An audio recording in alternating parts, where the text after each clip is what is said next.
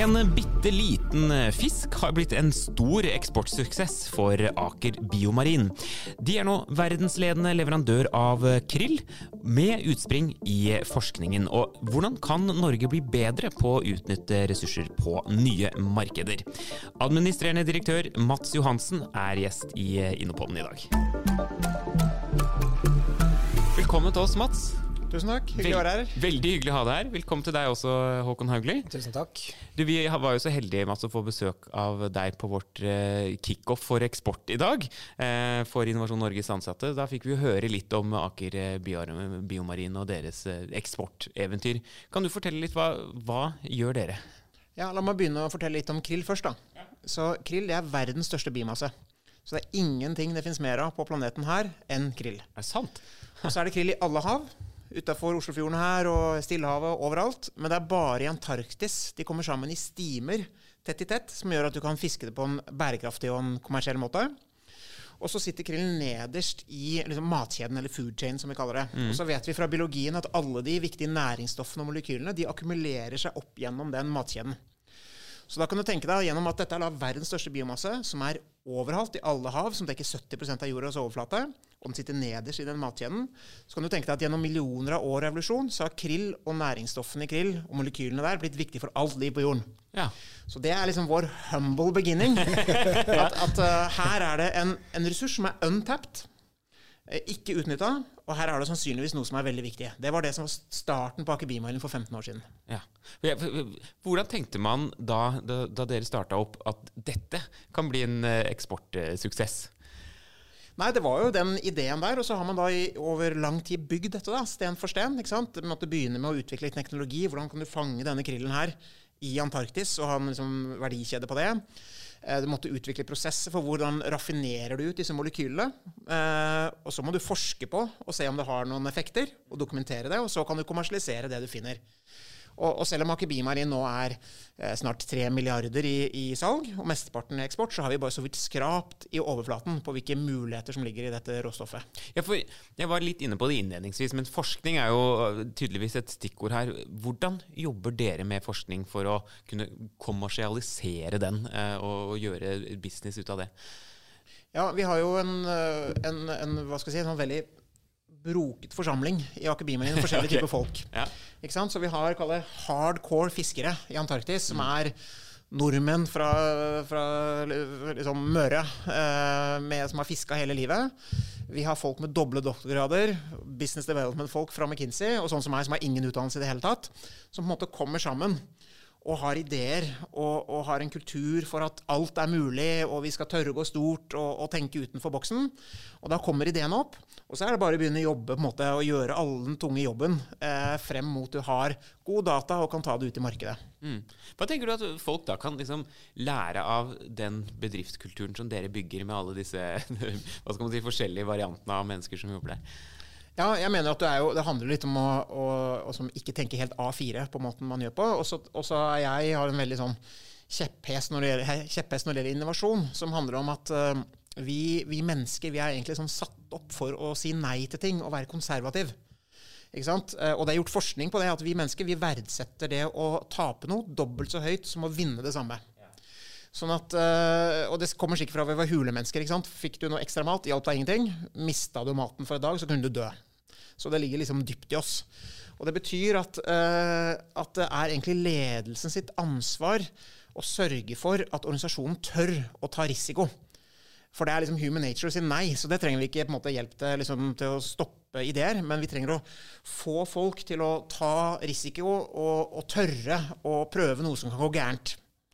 Håkon, vi har jo snakket om dette med risikoavers eh, nordmenn egentlig tidligere. Eh, så hører vi det, dette kanskje gå litt igjen her. Hva tenker du når du hører liksom, den historien til, til Aker Biomarien og det de har gjort? Ja, altså, ja, hvor skal jeg begynne? Altså, krill er jo så få verden vil etter krill. Det er jo fabelaktig. Altså, utløser noen spørsmål også. Da, hvor, hvor, hvordan er denne fangsten bærekraftig? Eh, det vil jeg gjerne snakke litt om. Men det innovasjon da, og dette, jeg tror veldig på det du sier, Mats, om hvordan du får en god innovasjonskultur.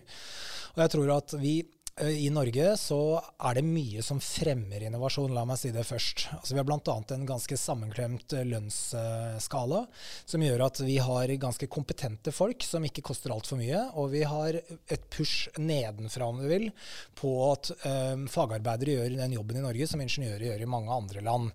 Så det er veldig mye som fremmer innovasjon. Men det er også noe som bremser innovasjon, og det er det som ligger i spørsmålet ditt uh, nå. Og noe av det er at vi har det godt. Og det gjør at den der terskelen for å hive seg ut i noe nytt, den er nok høyere. For du vet hva du har, og du vet ikke hva du eventuelt får. Og det gjør også at noen av strukturene våre blir kanskje seigere eller langsommere da, enn det vi egentlig vil at de skal være. Og nå står jo vi som land ved en korsvei, for vi vet at vi, innovasjon er svaret nå. Nesten uansett hvilken problemstilling du begynner med, om det er klimautfordringen eller eksportutfordringen eller hva det måtte være, så trenger vi flere bedrifter som har innovative bedriftskulturer og lykkes i internasjonale markeder. Og det finnes sikkert ikke én oppskrift, men jeg tror veldig på det å gi medarbeidere tillit, ansvar og ha en toleranse for at det gjøres feil. For det gjør det ikke bare toleranse, faktisk belønne feil. Mm.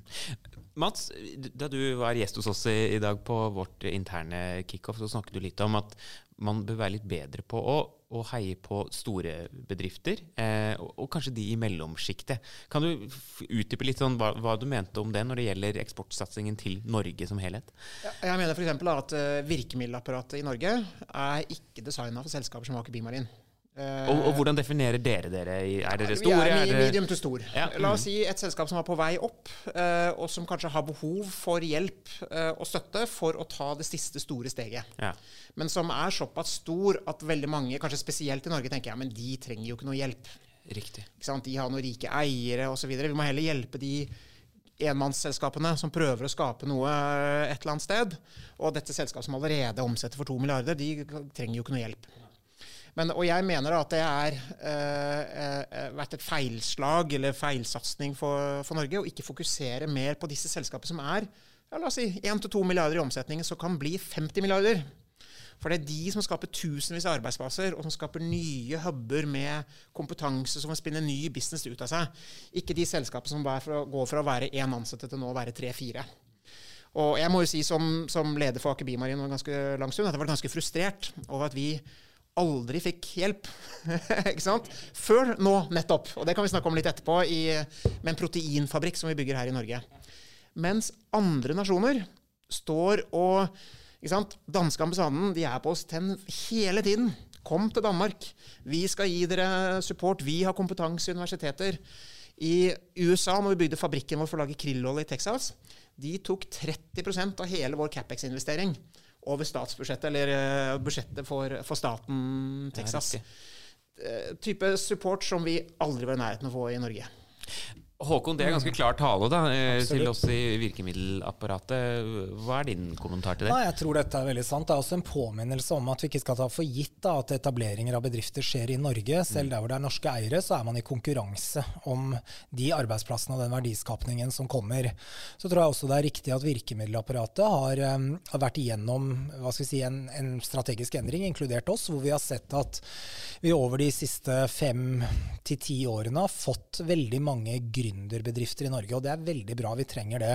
Men utfordringen har vært å få bedrifter til å vokse. Og da snakker vi ikke bare om de bitte små, men også de mellomstore. Og få de til å vokse og ta større markedsandeler internasjonalt.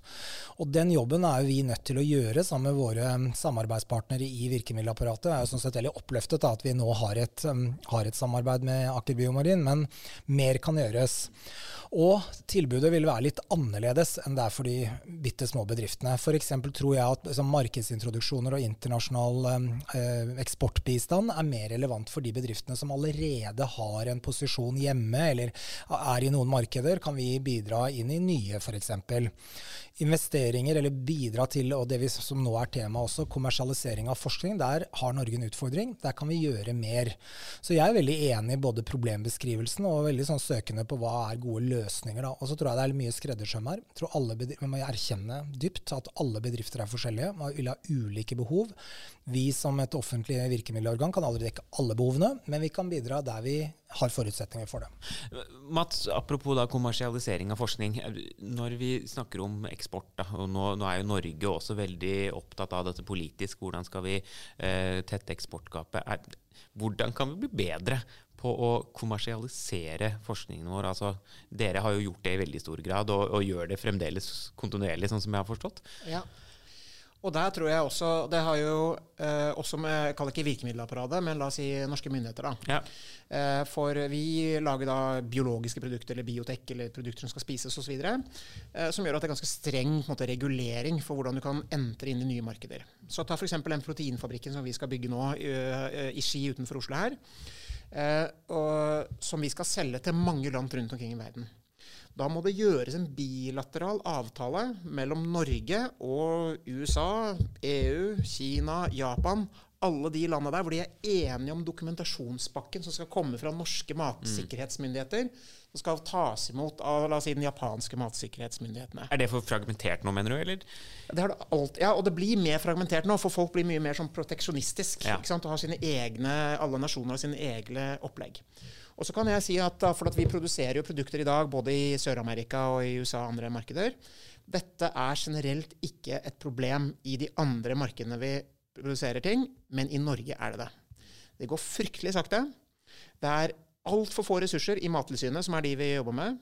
De har kanskje et feil eh, mandat. De, de, er jo egentlig matsikkerhet. I, og tenker ikke på at vi er egentlig gatekeeperen i forhold til et selskap som Aker Beamer, som skal få til på en måte ekspert. Så her tror jeg at vi er altfor arrogante og altfor tilbakelente. Og, og, det er egentlig galskap at vi tør å, å, ha så lite ressurser i noe som er så viktig for å kunne skape verdier av eh, ressurser som vi har i landbruk eller fiskeri eller den type ting her i Norge. Hvor tror du det kommer fra, Håkon?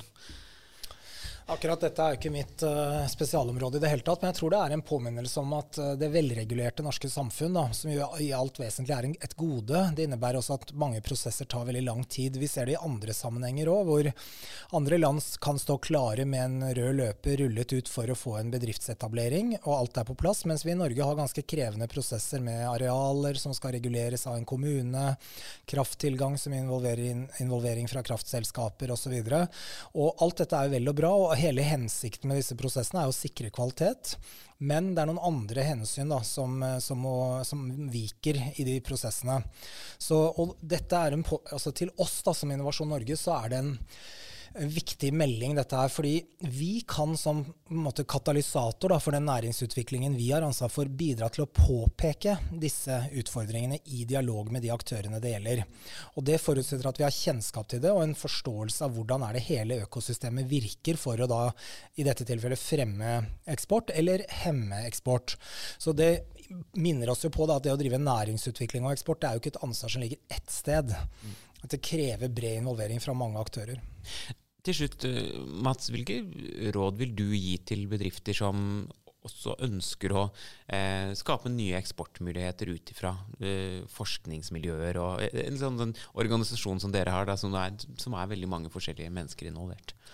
Ja, jeg tror at nå, nå, sitter vi og klager litt på systemet i Norge, da, men, eh, og det er jo egentlig ganske bra. Og vi er veldig heldige i Norge, for vi har en merkevare i Norge som er veldig verdifull ja. når vi drar ut uh, internasjonalt. Så, så, jeg tenker at uh, man må ta utgangspunkt at, uh, at man må løse ting sjøl som et selskap, og tenke at det får man til. Vi, vi er troverdige når vi kommer som et norsk eh, selskap.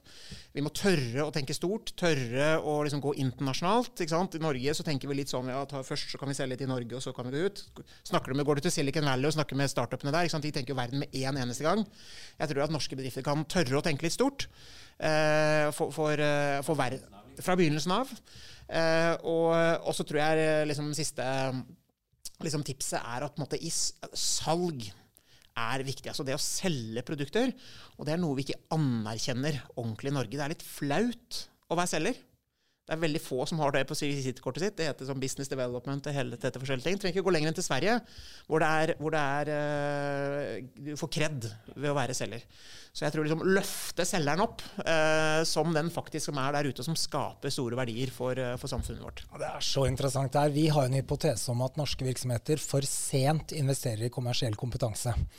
Altså, I sammenlignet med andre land tar det lengre tid i selskapets utvikling før de første kommersielle ressursene kommer på plass. Og Det er veldig interessant. Er det kulturelt, eller er det, hvor er det dette kommer fra?